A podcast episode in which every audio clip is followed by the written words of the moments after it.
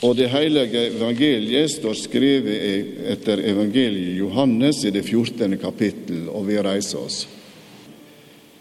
Lat ikke hjertet dykkar uroast, tru på Gud og tru på meg. I huset til far min er det mange rom.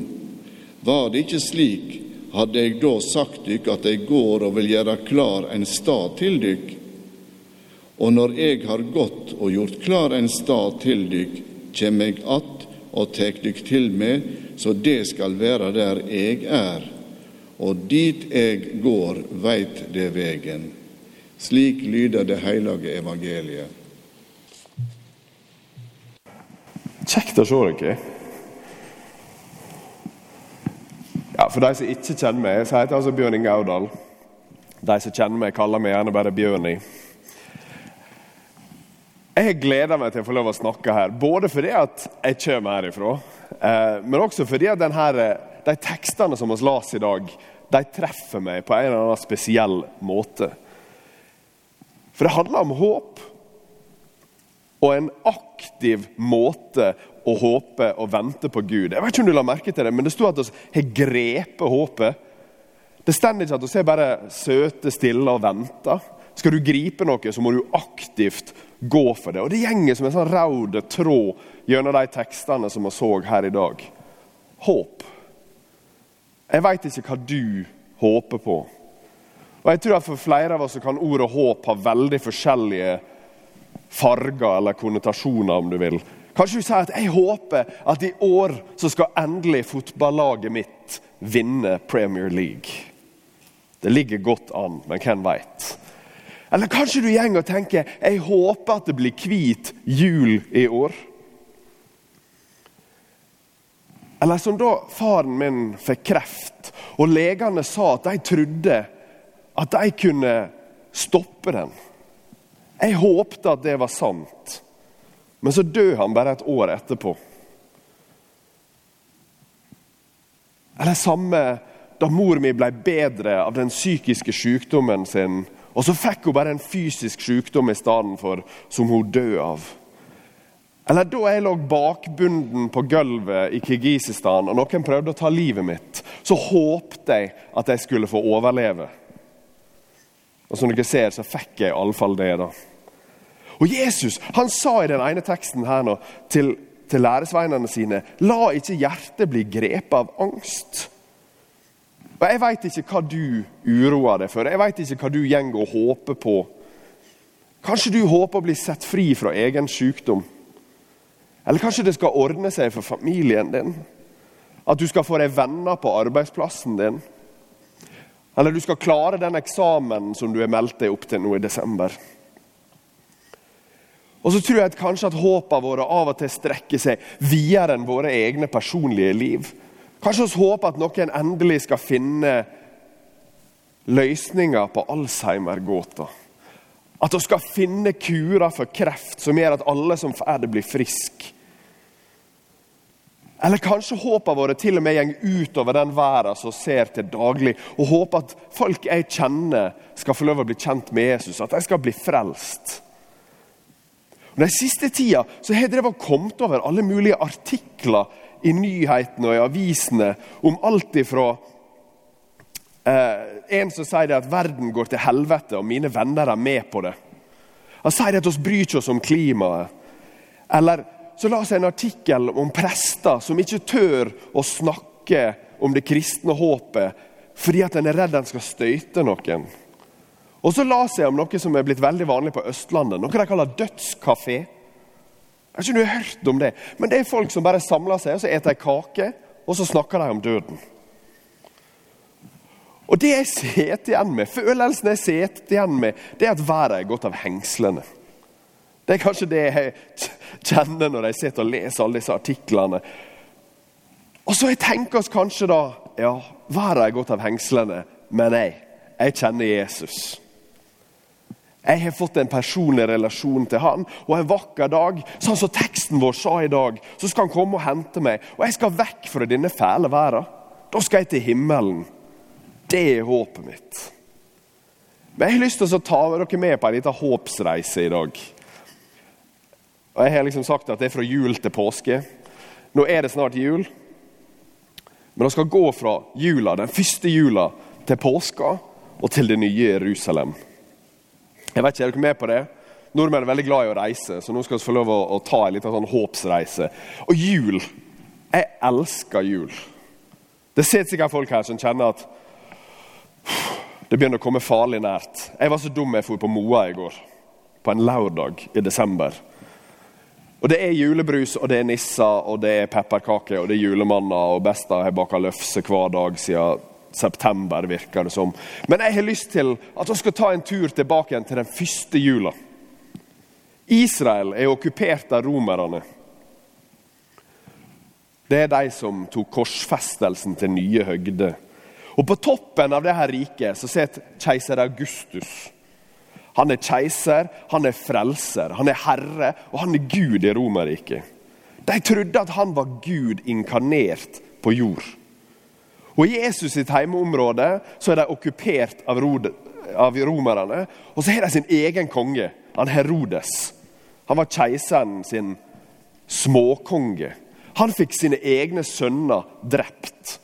Han var stormannsgal. Folk betalte over 90% i skatt. Bl.a. fordi at kongen hadde lyst på et slott på et fjell. Problemet var bare at han hadde ikke noe fjell, så da bygde han et fjell. Før han fikk bygge seg et slott oppå det. Men så begynner det å gå rykter om en liten baby. En spesiell baby som en dag skulle få sitt eget rike. Og Det kan hende at Augustus er keiseren. Det kan godt hende at han er frelseren i Romerriket. Men juleevangeliet forteller oss at det er født en ny frelser i Betlehem. Og Det begynner å gå rykter om at det ikke er keiseren. da. Det er ikke han der undertrykkeren som sitter på trona. Det er ikke slavedriveren som er siste ordet, men det er Gud. Og Så kommer det samtidig noen vise menn fra øst. Og Så forteller de Herodes at de hører at det er født en ny konge. Herodes blir redd. Fordi at det begynner å gå rykter om at det er født en ny konge som ikke skal utnytte folket sitt, som ikke skal kreve 90% i skatt, men som derimot er på de fattige sin side.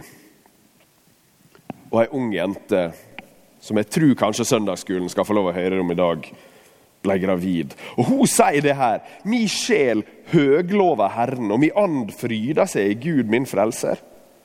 For han har sett til si tjenestekvinne i hennes fattigdom. Og sjå, fra nå av skal alle slekter prise meg selv, for store ting har han gjort mot meg, han den mektige. Hellig er hans navn, fra slekt til slekt varer hans miskunn over de som ottast han. Og så sier hun han gjorde storverk med sin sterke arm.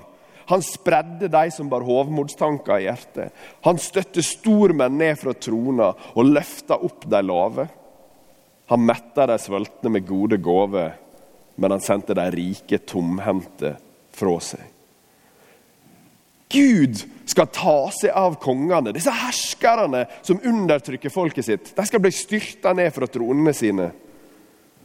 Og ser at Guds rike er så mye sterkere enn Romerriket.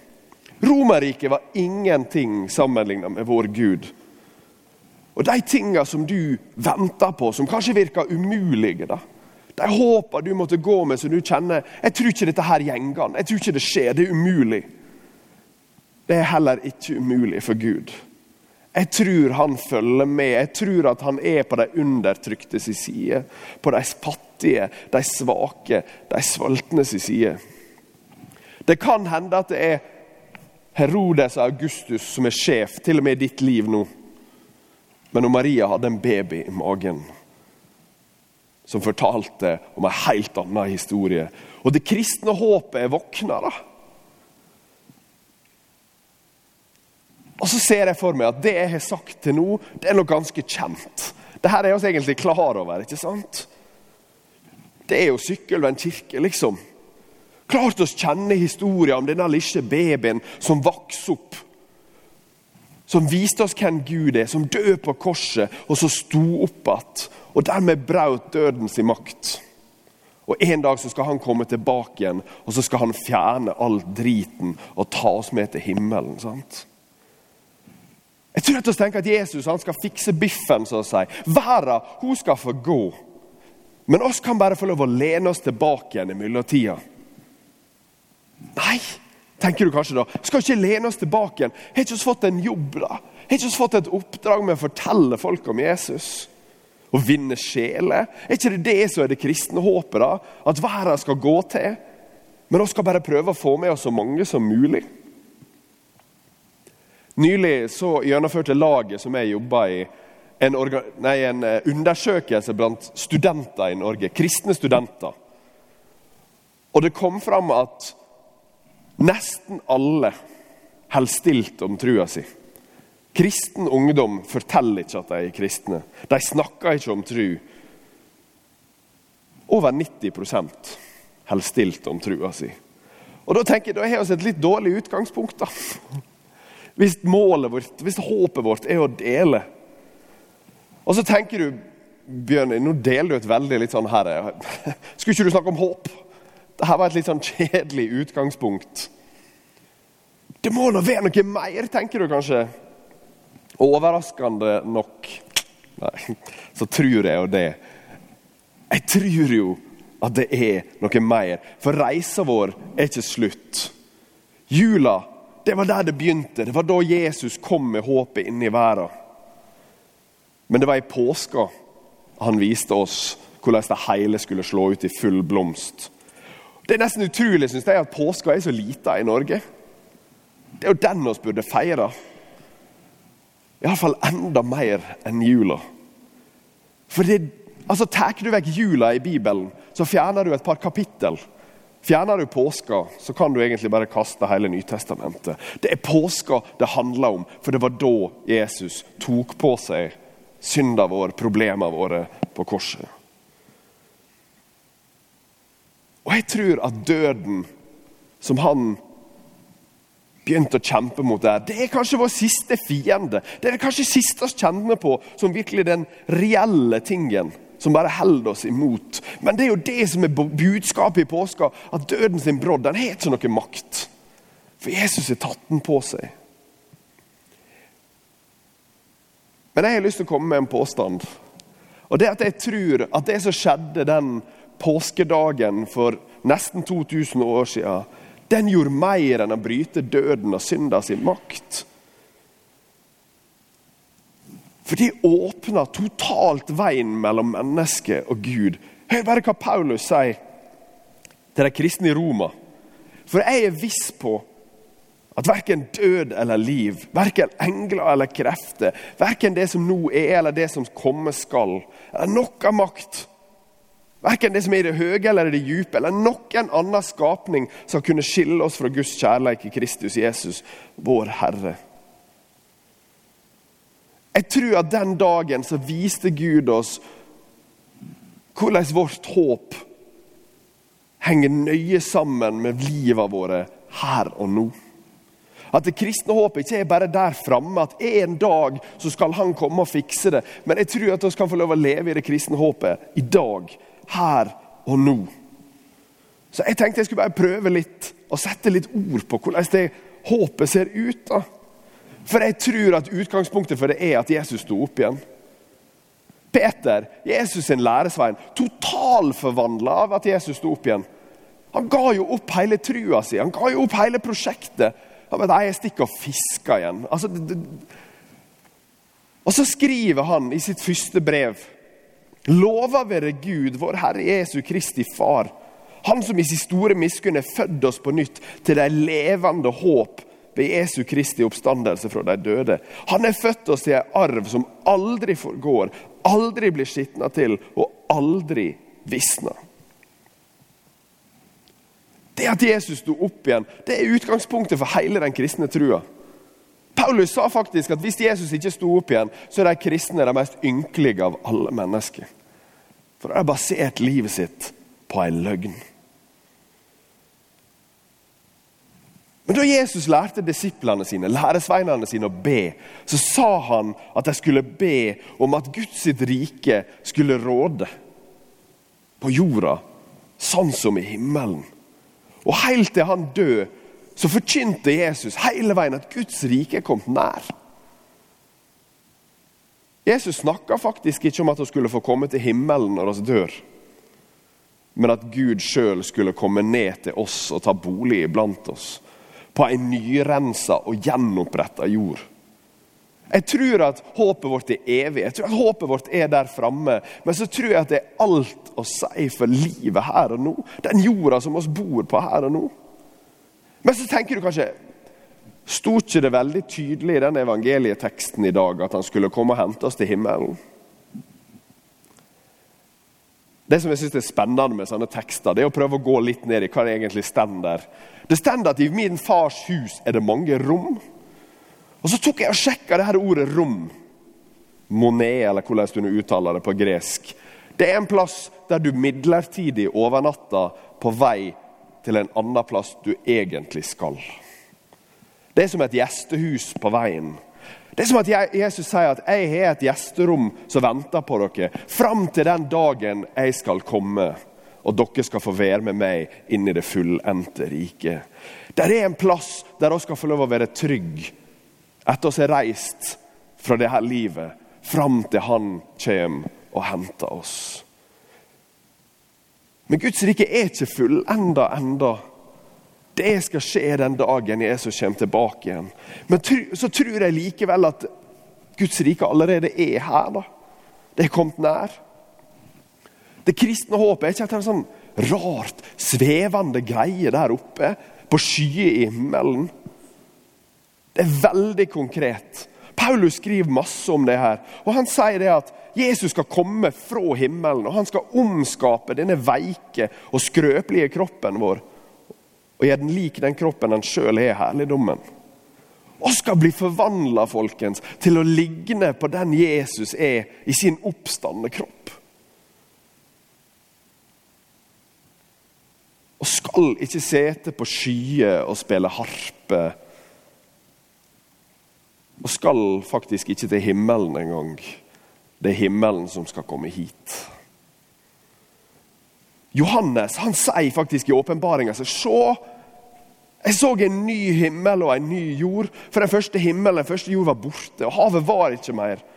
Og jeg så den hellige byen, det nye Jerusalem, komme ned fra himmelen, fra Gud, gjort i stand lik ei brur som er pynta for sin brudgom.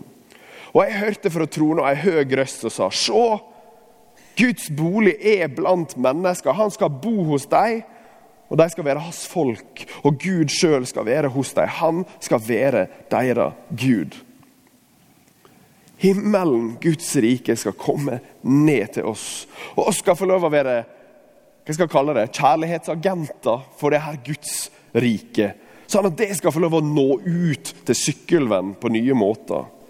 Oss kan få lov å være med å skape, være kreative og utbre Guds kjærlighet. Det er så rått, det. Jeg vet ikke om vi helt klarer å ta inn over oss hvor fantastisk det vi får lov å være med på, faktisk er. Og Det her får vi lov å være med på fordi Jesus sto opp igjen. Så håpet vårt, det vi venter på, det er et nytt liv i denne nye jorda og himmelen som Gud skal lage for oss. Og Jeg tror ikke at det er bare som noen sånne frelste sjeler som skal sveve rundt, men som hele mennesket. Det ser ikke ut for meg som at vi skal vekk fra denne her fæle jorda. Men at denne jorda her skal bli sett fri fra all urett, all undertrykkelse, vold, arroganse, slaveri, korrupsjon, fattigdom. Alt det her skal ta slutt. Det er akkurat det både Lukas og Matteus og Maria forteller til oss om julebudskapet. Vinteren er over, våren er på vei. Akkurat sånn som Louis sier det i Narnia-bøkene. Og Jeg synes at Narnia, Hvis du ikke har lest det, gjør det denne jula. Og Jeg har lyst til å lese til dere, Nå kommer tidenes avsløring. Jeg skal lese den siste setninga i den siste boka av Narnia. Slutten, med andre ord. Nå begynte endelig kapittel 1 i den største fortellingen som ingen på jorda hadde lest. Og den fortsetter i all evighet. Og hvert kapittel er bedre enn det forrige. Sånn slutter Anania med å fortelle at det skal komme en evighet der alt det fæle er over.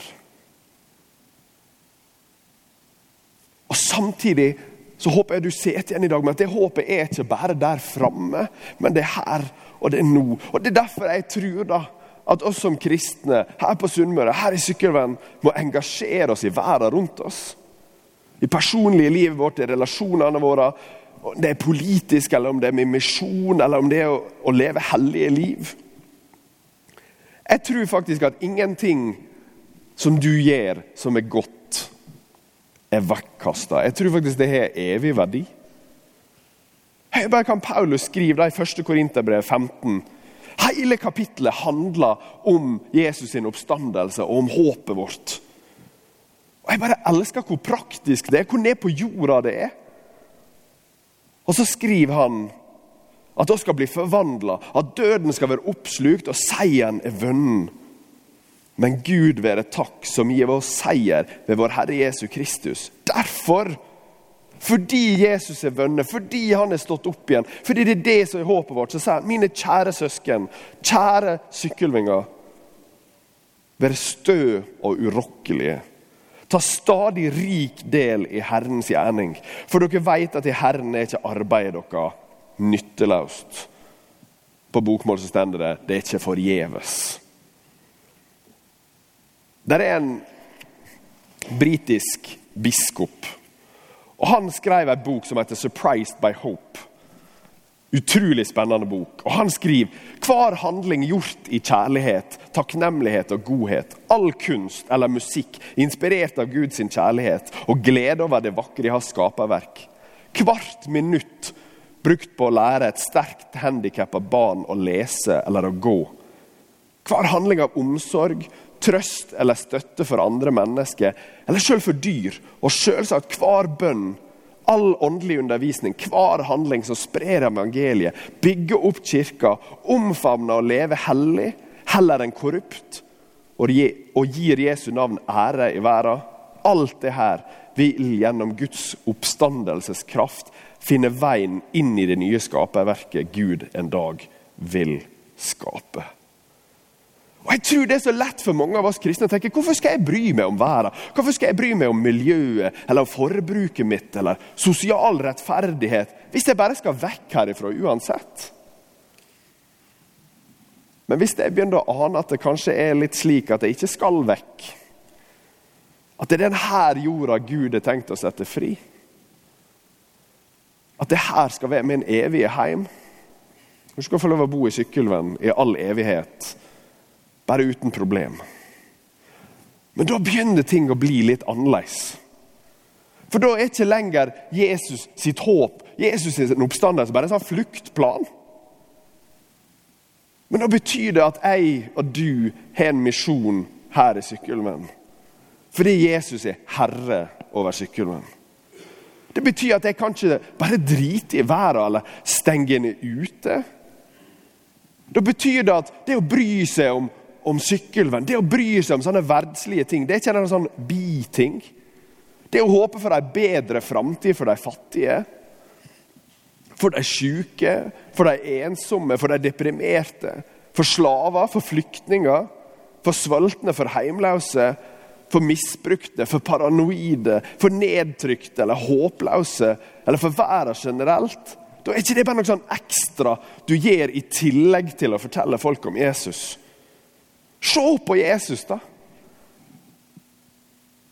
Han gikk faktisk aldri rundt og sa 'jeg skal redde sjelene deres og ta dere vekk fra denne verden'. Han fjerna faktisk problemer og korrupsjonen og fattigdommen og driten som de sto i der og da. Sånn at de kunne få lov å begynne å kjenne på det Gud har lova en dag skal komme der framme. Og oss kan få lov å være med på det. Jeg tror at vi får lov å være med på et utrolig spennende og av og til skummelt oppdrag. Men så kan vi også få lov å være med på vakre eventyr, der vi tar verden tilbake igjen for Jesus. Paulus sa jo ikke at vi har fått et sånt fint håp som vi kan bare lene oss tilbake igjen og nyte. Husker dere hva han sa? Mine kjære søsken, vær stø og urokkelige Sykkylvinga tar stadig det stender ikke det da, men tar stadig rik del i Herrens gjerning. For dere vet at i Herren er ikke arbeidet deres nytteløst. Det du gjør i dette livet, da, enten du måler, eller forkynner, eller synger, eller ber eller underviser, om du bygger sykehus, graver brønner, er med på Walk for freedom eller fakkeltog for de forfulgte, om du skriver dikt, om du tar deg av fattige, er frivillig på Føniks, eller elsker nesten din som deg sjøl, så det er her ting som Bibelen lover skal vare inn i Guds framtid. Det er ikke ting som gjør lettere, livet bare litt lettere nå før å stikke av. Det er faktisk med å bygge Guds rike. Og Det betyr at når vi går herifra i dag, så går vi rett ut igjen i den virkelige verden her på Aure. Og Hvis denne jorda er Guds hellige rike, da, så må vi jobbe for at det skal bli det. Da må vi få lov å vise verden da, hvor vakker Gud er. Enten det er kunst, musikk, dans, kreativitet. Eller at vi bare viser verden ikke bare at hun ikke er slik som hun burde være, men slik hun burde bli. Og en dag skal bli. Og jeg tror at når mennesker her i Sykkylven ser at det er slik de kristne lever, så har de lyst til å være med. For jeg tror at det er så utrolig mye mer tiltrekkende. Jeg tror ikke at vi som kristne kun er satt til å vinne sjeler. Jeg kunne holdt en hel preike om det, for det er jobben min. Jeg sitter ikke her og sier du må ikke fortelle om Jesus. Så klart skal du det. Det er derfor jeg har arbeidet mitt. Men kort fortalt så tror jeg at måten jeg og du forteller om Jesus på, delinga av, av håpet, da, det må henge sammen med å jobbe for rettferdighet og være kreative. For hvis kirka, da, hvis jeg og du Hvis vi arbeider for rettferdighet både på verdensplan og her hjemme, på skolen, i fellesskapet, i gata vår Hvis vi bruker kunst og musikk og oss bare gleder oss over skaperverket og hvordan Gud skal sette det fri fra ødeleggelse hvis vi med våre personlige liv reflekterer det her, da tror jeg plutselig at forkynnelsen vår gir mening. Nå ser jeg at Simen er redd at jeg prater veldig lenge, og det gjør jeg alltid. Men nå er jeg snart ferdig. Men skal det være sant der framme, så tror jeg vi må begynne nå. For ellers så tror jeg at folk rundt oss med rette stiller spørsmål kan dere på vei helst? Og jeg tror at mange av dem ikke har lyst til å være med. Jeg tror at Hvis ikke oss blir forvandla av evangeliet sjøl, hvordan i all verden kan vi da tro at det vil forandre mennesker som oss møter på? Så da kommer vi tilbake igjen til de ordene fra åpenbaringa. Jeg så en ny himmel og en ny jord. For den første himmel og den første jord var borte, og havet var ikke mer. Og jeg så den hellige byen, det nye Jerusalem, komme ned fra himmelen fra Gud, gjort i stand lik ei brur som er pynta for sin brudgom. Og jeg hørte fra trona ei høg røst som sa, Sjå, Guds bostad er hos mennesker. Han skal bo hos dem, og de skal være hans folk. Og Gud sjøl skal være hos dem. Han skal være deres Gud. Han skal tørke hver tåre fra øynene deres. Og døden skal ikke være mer. Og ikke sorg, og ikke skrik, og ikke pine. For det som en gang var, er borte. Og han som sitter på trona, sa, Se, jeg gjør alle ting nye. Og han sa, skriv det opp. For disse ordene er pålitelige og sanne. Så sa han til meg, det har hendt. Jeg er alfa og omega, opphavet og enden. Jeg vil gi den tørste å drikke av kilder med livets vann som gave. Og den som seirer, skal arve dette, og jeg vil være hans Gud, og han skal være min sønn. Det er slutten på reisa vår. Det er endepunktet. Det Gud ønskte helt fra begynnelsen av, men som oss mennesker klarte å ødelegge, og som Gud alltid har lengta etter. Det håpet som ble tent den første jula, som ble reelt og ekte da Jesus sto opp igjen fra de døde. og som en dag skal slå ut i full blomst når han kommer igjen. Det som er håpet som gir lys i vår tilværelse, og som jeg tror bør få praktiske følger for livet vårt her og nå. Det håpet som sjøl skaperverket lengter etter. Jeg vet du har tenkt over det, men hør det han Paulus skriver til de kristne i Roma i kapittel 8.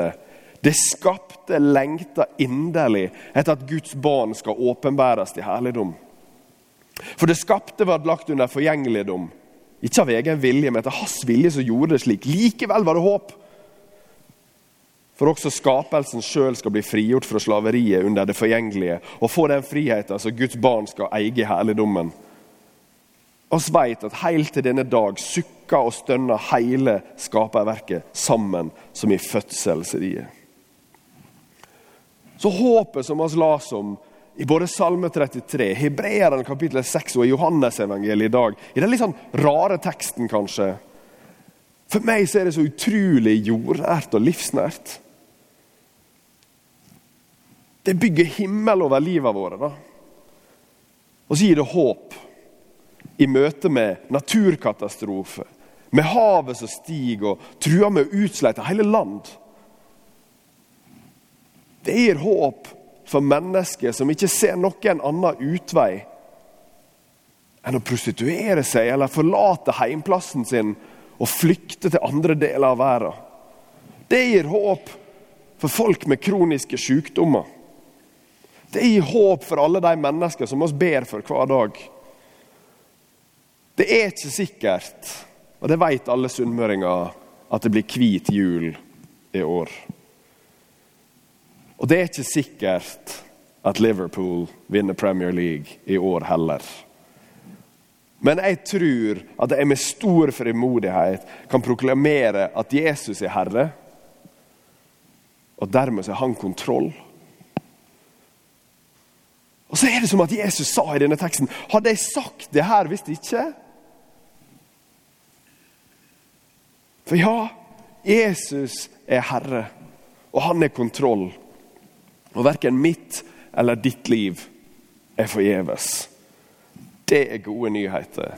Det gir håp allerede nå. Så kjære Jesus, jeg har lyst til å be for sambygdingene mine, Jesus. Jeg har lyst til å be for sykkelen her, Jesus. At vi som kristne tør å leve det her håpet nå.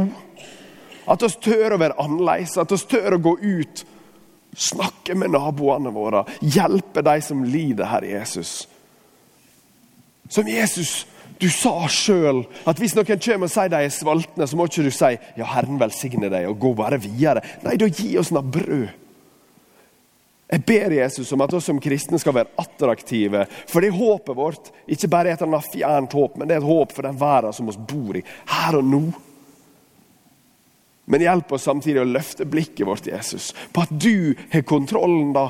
Det er ikke jeg som skal bære det her, det er ikke jeg som skal redde jorda. Det er det du som skal gjøre. Men du har lyst å gå i lag med oss. Og så har jeg lyst, til Jesus, å takke deg for at du har gjort i stand en plass der det er mange rom. Der vi kan hvile trygt i de favn, Herre Jesus. Helt til du en dag skal komme tilbake igjen og sette alt i orden. Takk at det er et løfte vi kan tro på og stole på og lenes på. Så må du velsigne kirka her i Sykkylven, Herre Jesus. De som arbeider her, og alle oss som skal gå ut herifra og fortelle Sykkylven at ditt rike er kommet nær. At det er en Gud som elsker deg og har lyst til å bli kjent med deg. Så jeg ligger heimbygda vår og kirka vår og livet våre og jula, Herre Jesus, i dine hender. Se til de som gruer seg til jul. Og fortell dem at det er et større håp enn den 24. desember. For det kommer ei påske og det kommer et nytt Jerusalem. Det ber jeg om i ditt navn, Jesus. Amen.